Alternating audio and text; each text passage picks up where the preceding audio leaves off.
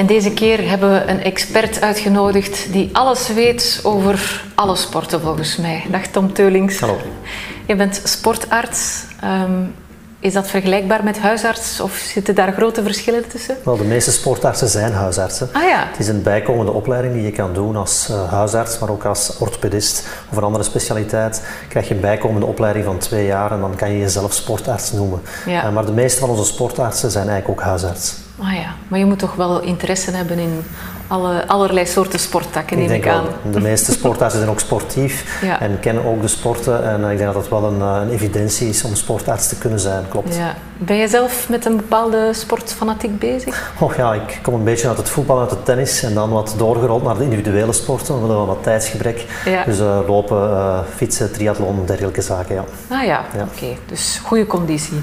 Dat proberen we te doen om een goede voorbeeld te stellen, ja. Ja, ja, dat is zeker nodig. Wie komt er eigenlijk bij jullie aankloppen bij sportartsen? Zijn dat vooral eh, eh, professionele sporters of meer eh, amateurs? Ja, voor minst. Het zijn vooral eigenlijk amateurs, recreanten. Ja. Leeftijd van 6 tot 99 jaar, om het zo maar te stellen.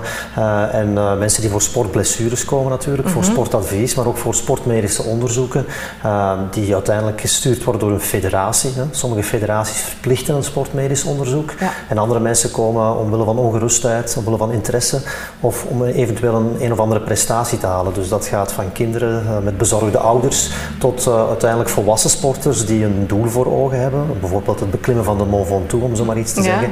En die dan eigenlijk wel in goede gezondheid en in goede conditie aan die opdracht willen starten. Ja, dat is wel een voorwaarde. Hè? Heb je al veel mensen moeten teleurstellen om te zeggen van nee, dat ga je nu niet doen? Dat is Goh. toch te vroeg? Gelukkig niet, maar eh, natuurlijk onze maatschappij zit zo in elkaar dat mensen altijd hogere doelen stellen eh, en soms wel eh, heel extreme zaken voorop stellen. En dat is onze taak ook om de mensen een beetje te bewaken, eh, te voorkomen dat ze eigenlijk te hoog mikken voor de conditie of voor eigenlijk een tijd zelfs die ze hebben om aan sport te besteden. Dus ik denk dat dat een belangrijke taak is van ons als sportarts om daar een goed evenwicht te vinden en de dromen van mensen proberen waar te maken, maar toch voorzichtig te zijn dat we niet erover Soms gaan. een beetje afremmen, Afremmen, ook. ja. Wanneer maak je nu best een afspraak bij een sportarts? Wel, we zijn uiteindelijk is, is het een preventief onderzoek, dat is belangrijk om te stellen. Dus eh, we doen dat liefst als er geen problemen zijn. Eh, we weten dat sporten gezond is, maar de vraag is ook van, ben je gezond genoeg om te sporten? Ja. Ik denk dat dat een belangrijke vraag is die je voor jezelf moet beantwoorden. En eh, daar hebben we eigenlijk een website voor gemaakt, die ondertussen al een tien jaar online is. Dat is sportkeuring.be. En daar kunnen mensen een, een vragenlijst invullen, die gaat over een volledige gezondheid. Zowel het hart als een familiale voorgeschiedenis. Hè. Is er een ziekte bij ouders of bij broers of zussen, wat zeer belangrijk is. En dan krijgen ze eigenlijk na die vragenlijst een advies hè, dat het raadzaam is om zich te laten onderzoeken. En, en dan kunnen ze een afspraak maken bij een van onze 300 artsen die dit onderzoek uitvoeren, die daar ook specifiek zijn voor opgeleid. Dus dat is eigenlijk een, een gangbare eh, weg hoe dat mensen bij ons geraken. Ja. Je zegt je bent zelf huisarts, maar komt het ook voor dat mensen eh, op eh, eh, voorschrijven van een huisarts bij jou komen? Of is meestal op eigen initiatief? Het gebeurt ook op, op eh, verwijzing van een arts. Uiteindelijk hebben wij ook een subspecialisatie. Dus eh, eh, sportgeneeskunde is een specialisatie waar dat niet alle huisartsen mee bezig zijn. Ja. En eh, het is ook belangrijk. Hè. hartonderzoek is niet zo makkelijk om, om, om te doen. Je moet daar toch een specifieke opleiding voor gevolgd hebben. En veel van de huisartsen sturen eigenlijk hun patiënten door naar een sportarts om dit onderzoek te laten uitvoeren. Eh, maar veel mensen komen op eigen initiatief, op aanraden van hun federatie, omdat ze het ook gehoord hebben of omdat er in hun familie iets gebeurd is. We zien bijvoorbeeld clubs waar er een plots zeldzaam cardiaal overlijden is geweest. En dan zie je die club plots in actie schieten en al hun leden eh, sturen voor een sportmedisch onderzoek. Eh, dus eh, het is soms heel intuïtief en mensen komen op allerlei andere manieren eigenlijk bij deze sportartsen terecht. Wat zijn zo de belangrijkste adviezen dat je meestal geeft? Wel, het belangrijkste advies is luister naar je lichaam. En dat is heel moeilijk, omdat eh, mensen daar niet gewoon zijn, zeker kinderen. Je weet, kinderen gaan echt wel makkelijk over de schreef. Hè. Ze Ja, kennen geen remmen. En het is belangrijk, denk ik, dat, eh, dat mensen dat ook goed aanleren. Van oké, wanneer wordt het een beetje te veel? Eh, moet ik elke dag sporten? Dat is zeker niet aan de orde.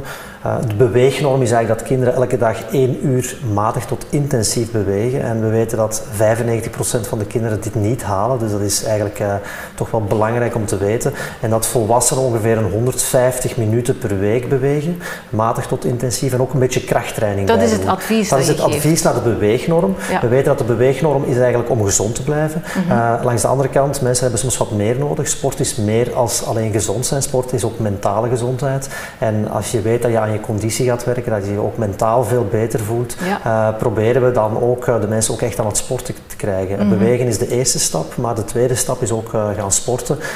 en dan misschien ook ergens naar een doel toe werken. En dat is eigenlijk de voornaamste reden dat we ook mensen zien om dat doel ook te kunnen bereiken. Ja, je zegt je hoeft niet elke dag te sporten, maar ik hoor dan op andere plaatsen een half uurtje per dag, dat zou eigenlijk wel goed zijn. Zeker, dat is ook een bewegingsnorm, dus een half uurtje per dag extra bewegen, maar uh, men spreekt wel over de 10.000 stappen, uh, het half uurtje bewegen nu, elke stap telt. Hè? Elke dat stap moet je zeggen. Dus, uh, Daarom heb je een stappenteller nodig. Hè? Daar heb je een stappenteller nodig. Ik heb nu. 2000 stappen gedaan vandaag, dat is nog niet genoeg. Hè? Ja, je hebt al veel gezeten. Dus, ja. dus 10.000 stappen is ergens een richtlijn, maar natuurlijk als je fietst, als je veel beweegt, uh, is dat eigenlijk ook al voldoende. Hè? Dus uh, gewoon dagelijks de trap nemen. Uh, echte simpele zaken zijn, zijn zeer belangrijk. Maar sport naar sport toe is iets anders. Sport is conditieopbouw, heeft meer te maken met alleen gezondheid. Mhm. En ik denk als je daarop inzet, dat je ook wel heel wat kan bereiken, ook sociaal. Uiteindelijk sporten is een sociaal gegeven, je doet dat met andere mensen.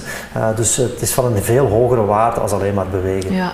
Ja, ik vraag mij dat dan af. Als je bijvoorbeeld een marathon wil voorbereiden, Ehm, en je bereikt dat dan waarschijnlijk samen met een sportarts die toch een beetje als coach ook fungeert, of ben je daar fout in? Je fungeert ook een beetje als coach. Veel van de sportartsen maken ook trainingsschema's, volgen ook de mensen op. Uh, dus uh, het gaat alleen maar verder als uh, iemand zegt van oké, okay, je bent geschikt om te sporten of niet geschikt. Hè. Ja, het is niet alleen adviserend, het is ook nog eens motiverend. Zeker en vast. Het begint eigenlijk bij een keuring, maar een keuring is een slecht woord. Het lijkt een beetje een vleeskeuring, maar dat is het niet. Het is eigenlijk echt een sportmedisch advies. Maar natuurlijk, om een voorbeeld te geven, als je bijvoorbeeld gaat duiken en je hebt een trommelvlies dat, dat stuk is, dan kan je niet gaan duiken. En dan moeten we je ook mhm. afkeuren voor die sport. Ja. Dat is een zeldzaam we moeten meestal mensen niet afkeuren, we gaan ze gewoon heroriënteren. Mhm. Of we gaan bijvoorbeeld iets oplossen dat ze toch kunnen sporten. Dat is één ding, dus mensen zeker veilig kunnen laten sporten. Het tweede is inderdaad het juiste advies geven. Ja. Uh, het juiste advies geven is daarin zeer belangrijk. Stel voor dat je een basketbalspeler bent, maar je hebt al vijf keer je enkel verzwikt, dan lijkt het ons ook logisch dat je daaraan gaat werken en dat je die enkel ook sterker gaat maken. Dat is ook een taak van onze sportartsen. We hebben daar recent ook een heel mooie module gemaakt dat we eigenlijk afhankelijk van uw medische voorgeschiedenis, het onderzoek dat we uit, uit, uit, uitoefenen, dat we dan eigenlijk ook een trainingsadvies, een oefenprogramma kunnen geven. Dat wordt automatisch gegenereerd door het systeem en dan kan je eigenlijk heel specifieke oefeningen doen voor jou individueel om je systeem ook sterker te maken en om te vermijden dat je een nieuwe blessure krijgt. Dus dat is ook een taak van, van deze artsen om dat te doen, advies en begeleiding. En geef je ook advies hoe dat je dan kan afbouwen? Want als je dan eenmaal die marathon hebt gelopen, hebben veel mensen die kick gehaald. Maar dan daarna, wat doe je dan? Ofwel ga je naar iets anders, waarschijnlijk als je nog kicks wil halen, ofwel bouw je af of probeer je hetzelfde niveau te houden? Tuurlijk, een, een, een, doel is eigenlijk een droom met een eindfase. Dus uh, dat is uh, wat het eigenlijk is. Maar van elk doel komt een, een volgende uitdaging. Dus we mhm. zien mensen groeien van uitdaging naar uitdaging. Dus niet in een zwart gat vallen daarna. Dat is, dat, is, niet de bedoeling. Dat is niet de bedoeling, dat proberen we ook te vrienden. Als je je doel hebt bereikt, uh, dan moet je eigenlijk bezig blijven en dan moet je ook naar een volgend doel gaan. ligt dat doel hoger of ligt dat lager of ligt dat in een andere sport? Oh, ja. Het maakt eigenlijk niet uit. Het moet eigenlijk haalbaar zijn en je moet daar terug een programma rondmaken. Uh, dus dat, dat, is zeer belangrijk. Stel echt doelen. Als je je doel bereikt hebt, ga naar een nieuwe uitdaging, maar las zeker voldoende rust in. Want het gevaar is steeds als je blijft sporten en blijft intensief sporten, dat je in een overtraining geraakt. En een overtraining is echt wat je niet wilt, want uh, je gaat het gevoel hebben dat je slechter wordt, hoewel je veel traint, met mhm. het gevolg dat je intuïtief nog meer gaat trainen. En dan wordt het alleen maar slechter. En we zien veel mensen die bijvoorbeeld een start-to-run doen, maar dan echt een beetje te snel gaan en dan wordt het een start-to-stop meer. Dus dan gaan ze eigenlijk niet meer sporten en gaan ze eigenlijk niets meer doen. En dat moeten we ten allen tijde vermijden, dat mensen die het initiatief nemen om te sporten, uiteindelijk door een blessure of door een overtraining plots gaan stoppen en niets meer doen. Ja, dat is erger, ja. Nu, ik denk dat uh, veel mensen nog niet weten dat het zo is, maar de terugbetaling van een sportarts is mogelijk hè, via de zorgverzekeringen. Klopt zeker. We betreuren natuurlijk dat het niet volledig terugbetaald wordt aan alle tijden, uh, want uiteindelijk is het een preventief onderzoek. Maar mm -hmm. als je zelf bezorgd bent over je cholesterolwaarde en je gaat naar een arts om een bloedname te doen, dat wordt ook praktisch volledig terugbetaald. We zien mhm. niet direct een verschil dan dat je de vraag stelt hoe kan ik iets aan mijn conditie doen, hoe kan ik veilig sporten. Uh, vooralsnog is dat niet mogelijk, uh, maar we zijn natuurlijk zeer blij uh, dat er ziekenfondsen zijn die daar toch een, een, een, degelijke terugbetaling voor voorzien. Je hebt maar eens drie kinderen die een verplicht medisch onderzoek moeten ondergaan, bijvoorbeeld wielrenners, hè, want die hebben een verplicht medisch onderzoek jaarlijks. kost het toch al wel wat geld. Hè. Een sportmedisch onderzoek kost ongeveer een, een 60 à 70 euro uiteindelijk, als je het in perspectief ziet, om de twee jaar, dat is eigenlijk één voetbalschoen, bij wijze van spreken. Ja. Uh, het is niet zoveel, uh, maar uiteindelijk telt het wel op voor een gezin. En dan is het zeer fijn dat daar toch een, een, terugbetaling voor voorzien kan worden. Ja, en bij het VNZ wordt er iets specifiek terugbetaald, dacht ik. Hè? Ja, ik denk dat VNZ is eigenlijk de beste van de klas momenteel. Ja, ja. Uh, dus zij betalen het grootste deel terug. Uh, ze betalen denk ik uh, eh, 50% terug van, van het bedrag tot een maximum van 50 euro. Dus dat is zeer fijn meegenomen en is toch ook wel voor gezinnen inderdaad een meerwaarde om daar een, een, terugbetaling voor te krijgen voor dit onderzoek, voor dit sportmedisch onderzoek. Dus in het algemeen is er nog verbetering mogelijk voor alle zorg dat Zeker. ze zich een beetje ja, daaraan Het is uiteindelijk de inspanning van, uh, van, uh, uh, van de ziekenfondsen momenteel, maar het zou fijn zijn moest er eigenlijk een algemene regeling komen van het, van het RISIF om, om dergelijk onderzoek mm -hmm. terug te betalen voor ja. onze bevolking. Ja. Tot slot heb je nog een paar tips. Als je nu als sporter, je wilt erin vliegen, maar je wilt het toch gezond houden. Misschien heb jij zo'n paar basistips voor iedereen. Ja, ik denk eh, start zeker met het invullen van de vragenlijst op sportkeuring.be. Dat mhm. geeft je al een goed beeld van wat je kan verwachten uh, en dat je eventueel naar een arts moet gaan of niet. Ik denk dat dat al een belangrijke tip is om mee te starten. En dan maak een goed plan. Uh, maak een plan dat past in je familiaal leven. We zijn niet allemaal topsporters die na een training lang uit in de zetel kunnen gaan liggen en wachten op de volgende training. We hebben een mhm. gezin, we hebben een job, we hebben andere zaken. We kunnen ook eens ziek worden. Het kan ook eens druk zijn dat je je plan moet aanpassen. Dus maak een plan dat haalbaar is en dat ook aanpasbaar is. En stel jezelf een doel.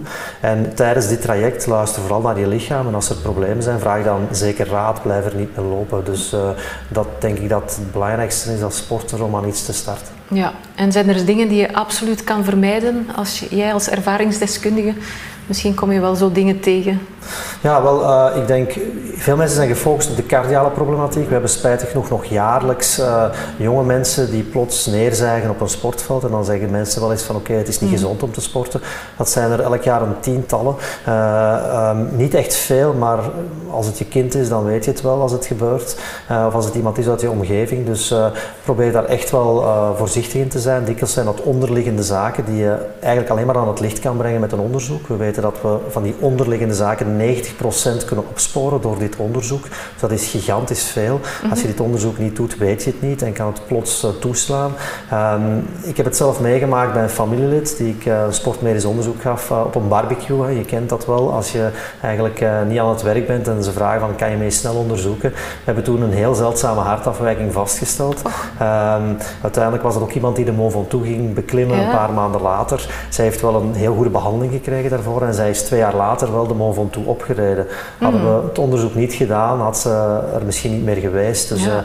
uh, het is belangrijk om daar aandacht voor te hebben zonder dat we daar echt in paniek over schieten. Het is zeldzaam, maar het is te belangrijk om zomaar te laten liggen. Dus uh, ik denk dat dat alvast een belangrijk aandachtspunt is. Ja, dat is weer al uh, ja, de gouden regel dat we hier kunnen onthouden. Hè. Beter voorkomen dan genezen. Zeker en vast. Dankjewel Tom voor het gesprek. Graag gedaan. En wij gaan hier afronden, maar uh, op de website van het VNZ daar staan nog filmpjes van andere experten, dus ga zeker eens een kijkje nemen. Heel graag tot later.